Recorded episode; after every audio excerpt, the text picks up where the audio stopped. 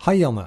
Hei, Nils. Hei, hei, hei, og hei til alle dere som hører på. Det er mange, og det er vi veldig stolte av. Mm. Og som vanlig så har vi to spørsmål som eh, dere der ute har sendt inn til oss, som vi skal besvare. Så godt vi kan, ikke sant, Nils? Så godt vi kan. Du er den uh, profesjonelle. Du Ja. har utdannelse, du er psykolog, og jeg er på en måte lekmannen Ja. som uh, bringer inn uh, den vanlige mannen i gatas perspektiv Ja. på disse eksistensielle spørsmålene som vi får. Og i dag så skal det handle litt om søvn, og det skal handle litt om angst, og det skal også handle litt om eksistensiell angst. Mm. Vi begynner med søvn. Hei. Jeg har i lengre tid strevd med å sove gjennom en hel natt. Våkner hver eneste natt og ligger våken og tenker. Er nå sykemeldt en periode for å få orden på dette. Jeg leser bok om søvn, går til osteopat osv. Når jeg våkner, så ligger jeg og tenker på alt jeg skal gjøre og alle bekymringene mine. Spesielt i forhold til vår yngste sønn som har dysleksi, og som strever på skolen. Han er 15 år, men veldig sårbar og er svært lite glad i skolen. Jeg har slitt med søvnmønstre i over to år, prøver nå deres glimrende app og legger inn hyggelige opplevelser og eiere, men kanskje dere har noen råd mot søvnmangel som skyldes engstelse, stress over morgendagen osv. Eh, jeg tenker at det her med søvn er jo så sentralt for oss alle. ikke sant? For du får, hvis du ikke får sove, så gir det jo en sårbarhet. Eh, både i forhold til stress, og også etter hvert har en sett at søv, det med søvnmangel kan være en av forløperne til at den blir nedfor òg. Uh, og sånn som hun sier her, da, så er det bekymringer som hun har spesielt for sønnen sin, som når hun våkner, så setter i, i gang en del eh, bekymringer som hun ikke klarer å la være å tenke på midt på natta. Og det er jo ikke så uvanlig, det hører jeg mange si. Eh, og det første som eh, en får råd av, det en ofte får råd om, vet du hva det er, Nils? At en må jo ikke tenke på det.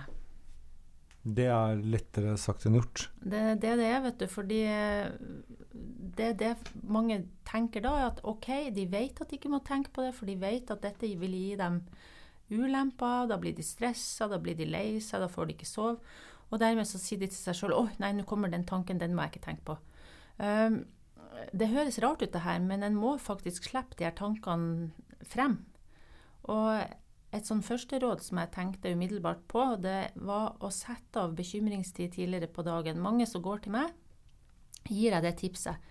At, fordi bekymringa altså det er jo reelt. Det, det som hun er bekymra for med sønnen, det, det ville jo jeg også vært bekymra for som mor, ikke sant? Uh, det å sette av tid til å tenke på det tidligere på dagen er faktisk et godt råd, fordi da kan en prøve å gå igjennom. ok, er dette noe som jeg klarer å løse nå, eller er det bare en bekymring som jeg fortsetter å plage meg sjøl med? For det, du vet at dess mer du bekymrer deg for ting som skal skje fremover, dess mer spekulasjoner er det jo òg. En kan jo ikke vite helt hva som skjer. Sånn at det er viktig å få redusert den tida en eh, bekymrer seg. Sette av fast tid. Eh, gjerne et kvarter, pleier jeg å si er tilstrekkelig.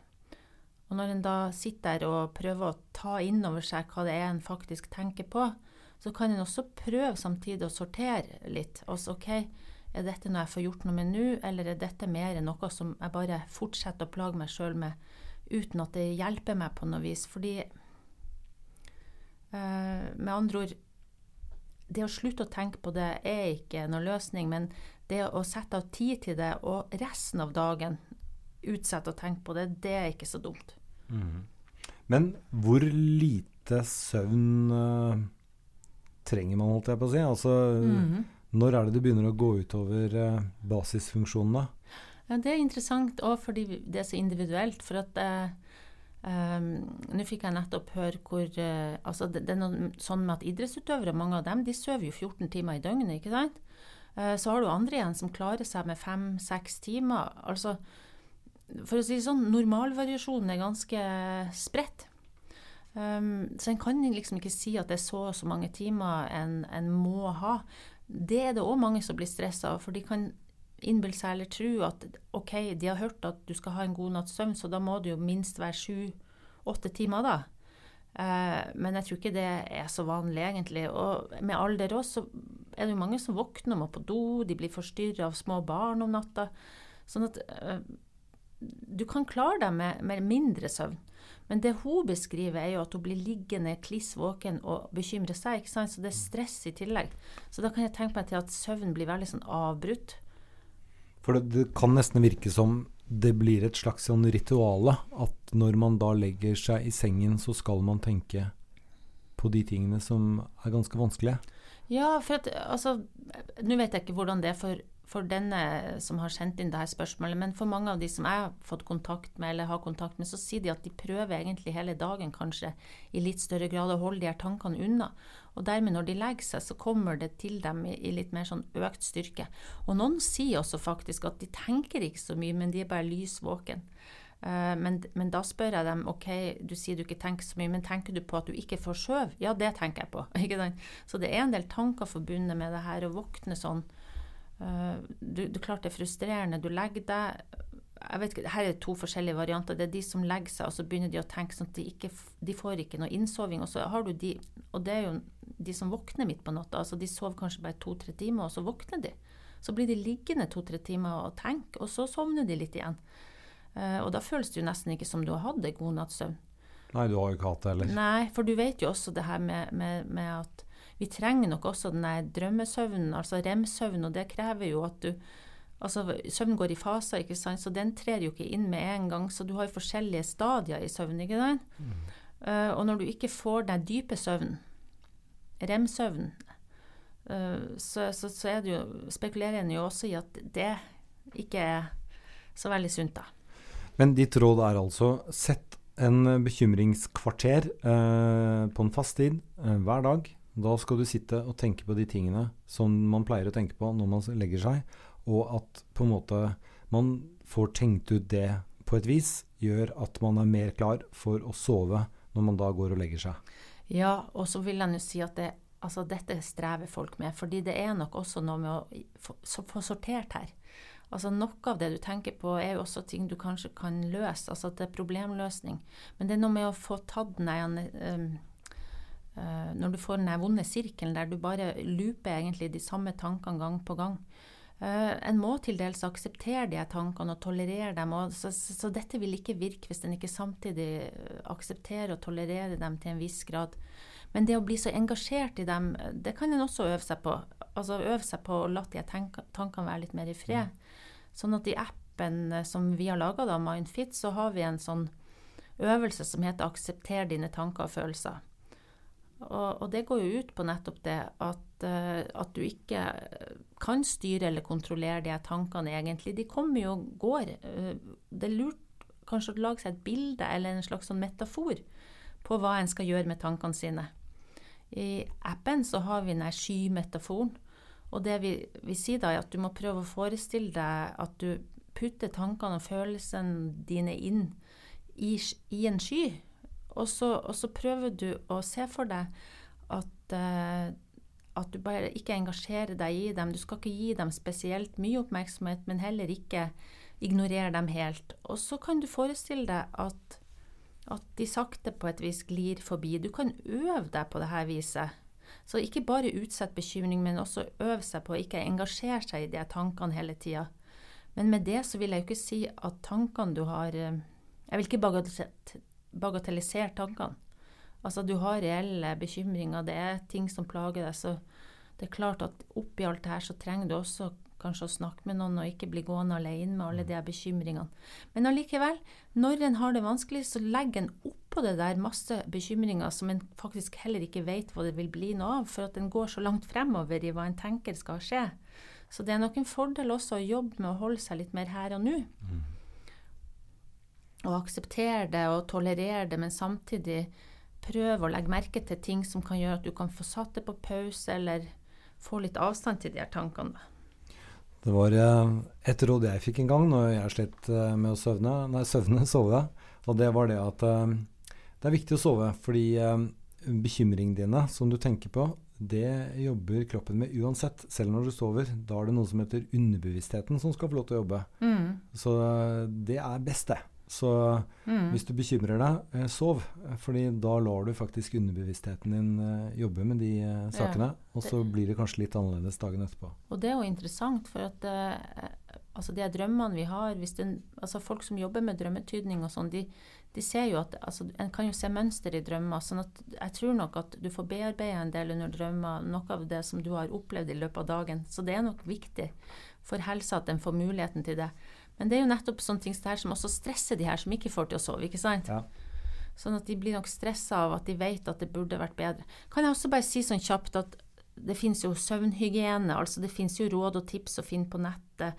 Det er noe med å legge seg til samme tid, stå opp til samme tid, ikke, ikke gjøre ting som aktiverer deg veldig seint på kvelden. Altså det er mange sånne generelle råd også, men må prøve å følge da, i forhold til søvn.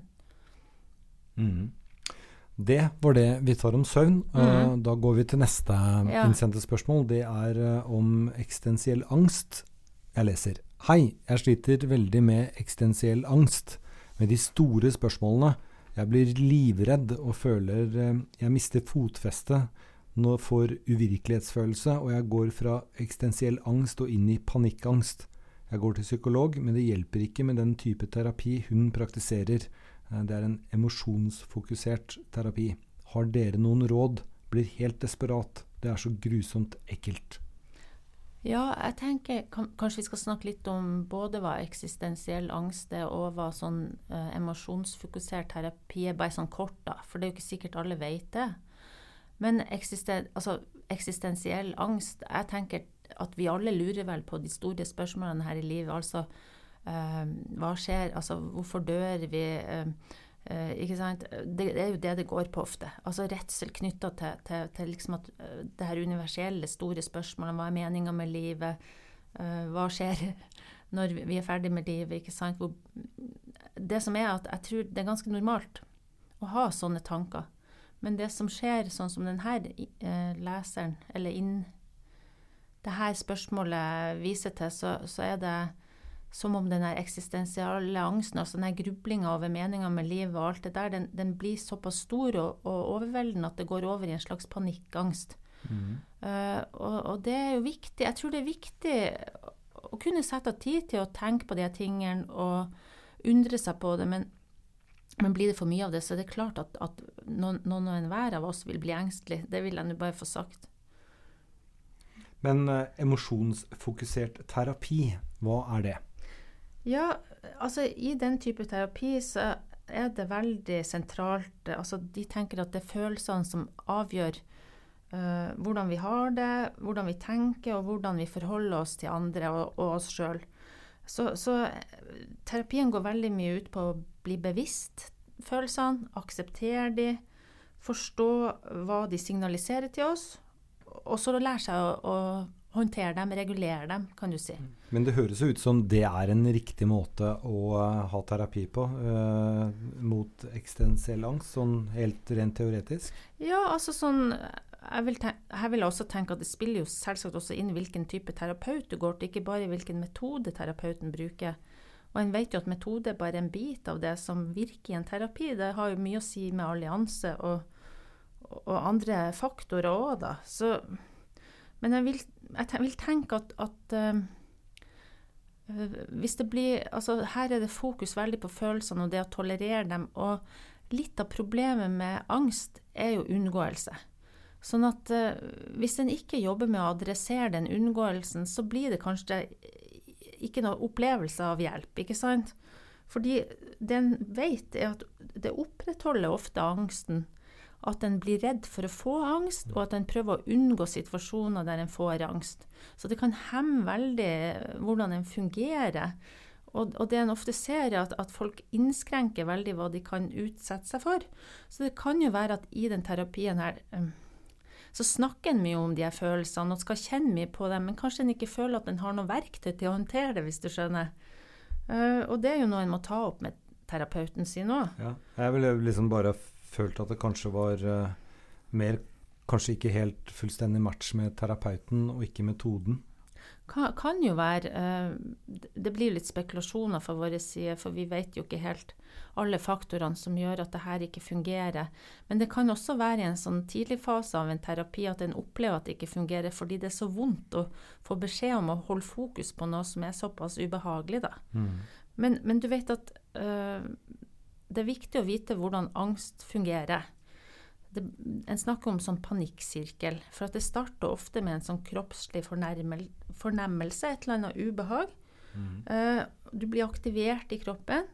Så får du noen katastrofetanker. Altså, hva betyr det her? Uh, har jeg en dødelig sykdom? Besvimer? Um, en kjenner f.eks. hjerteklapp, så tenker en OK, er det hjerteinfarkt? Så det er mye sånn katastrofetanker om verste uh, utfallet av det her, da, vet du. Og så, når en får de katastrofetankene, så øker egentlig de kroppslige fornemmelsene og den aktiveringa du kjenner i kroppen din. Og så kommer det nye katastrofetanker. Og til slutt, i denne sirkelen her, så ender det jo kanskje med full panikk. Mm. Så, det, så, tankene du har om det her, påvirker også hvordan det kjennes ut. Og på et vis så blir det viktig i behandling å lære seg også å um, gjøre noe med de tankene. Og det blir også viktig å, å lære seg å stå litt i, i, det ubehaget, ikke sant? Sånn at en trener seg på at det går over. Sånn at mange, mange velger flukt, da. Mange, mange syns det her blir så vanskelig at, at, de har lært seg noen sånne triks eller måter å håndtere det på som egentlig blir vondt verre, ikke sant. Hver gang de kjenner panikken, så tar de seg en tablett, eller de hopper av bussen. Eh, de får liksom ikke erfaring med at det gir seg av seg sjøl, fordi de, de, de flykter før de får den erfaringa. Så, så, i en sånn terapi eh, der en har tilløp til panikkangst, så tror jeg det her òg er ganske essensielt, da, for å si det sånn. Men oppsummert, hva er ditt råd til eh, innsenderen? Eh, jeg, jeg sitter og tenker på at i tillegg til å prøve å tolerere og akseptere denne eh, følelsen og denne angsten, så må en også kunne tillate seg å legge den litt bort og få pauser. ikke sant? Sånn at kanskje bare et sånn viktig supplement også ville vært å jobbe med det. Og få, få litt avstand eller litt pauser til det. Og så legge leg et passe program for hvordan en skal utfordre angsten, da. For det kan være en utfordring å finne rett styrke på den angsten en skal tåle på det trinnet en er på. Mm. Sånn ville jeg tenkt. Men det betyr også å snakke med terapeuten sin om akkurat det ja. han eller hun har sendt inn til oss. Ja, absolutt. Det vil jeg tenke et veldig godt råd. Det var det vi rakk eh, denne gang. Um, ta gjerne og send inn spørsmål. Det setter vi stor pris på. Og vi høres snart igjen. Ha det bra. Ha det.